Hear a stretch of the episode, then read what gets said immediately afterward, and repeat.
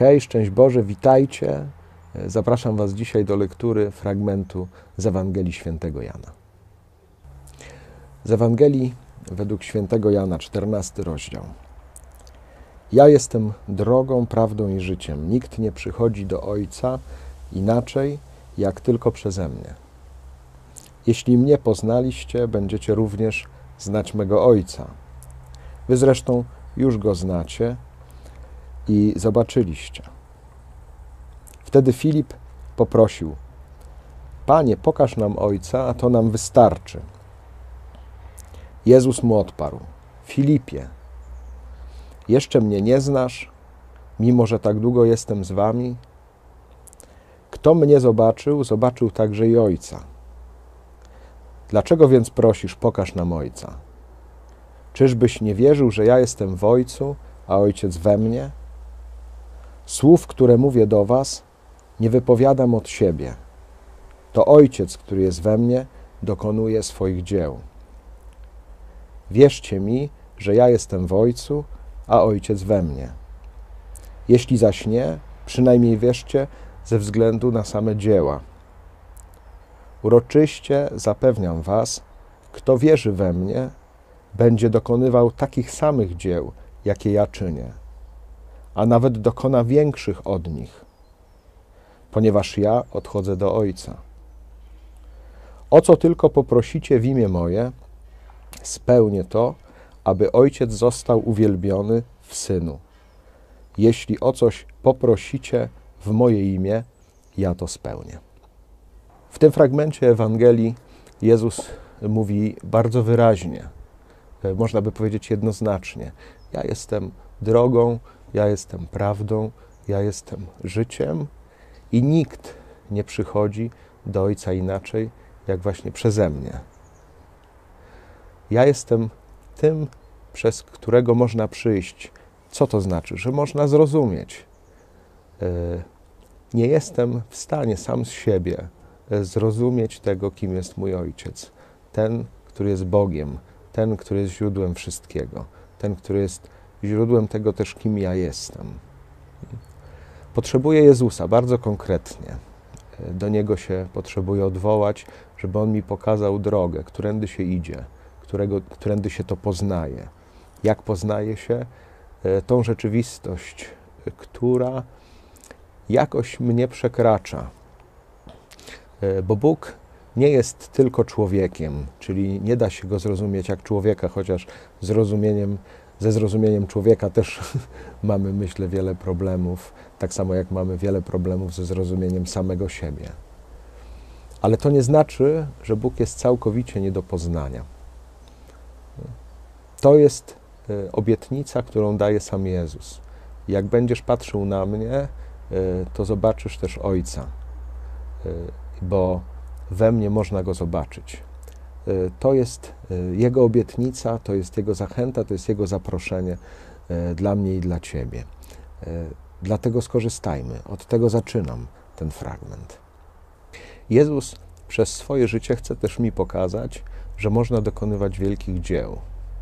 Jak czytamy Ewangelię, widzimy, e, jakim był wielkim, wspaniałym człowiekiem, jak był mądry, e, jakie czynił wspaniałe cuda, znaki, e, jak traktował ludzi.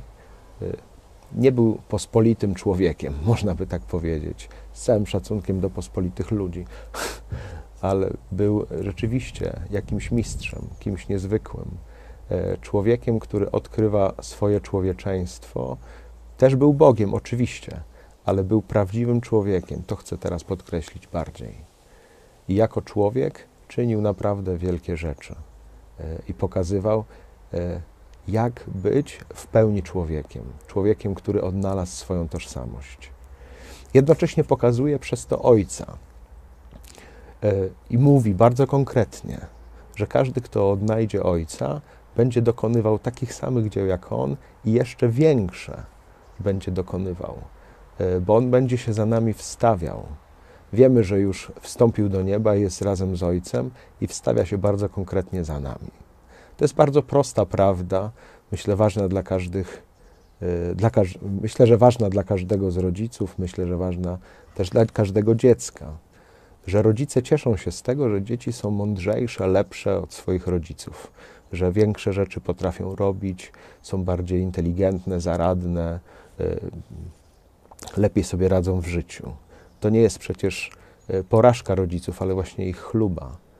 Y, ja się jako rodzic z całych sił staram o to, żeby dziecko jeszcze bardziej się rozwinęło niż ja się rozwinąłem.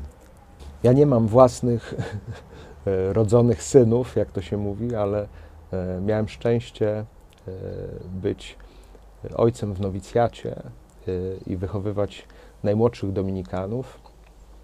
I naprawdę doświadczyłem tej radości, że ci młodzi bracia są dużo lepsi niż ja, że są dużo bardziej inteligentni, że są dużo bardziej oczytani, że znają więcej języków, E, że znają lepiej świat, mają ciekawsze i bardziej kreatywne pomysły.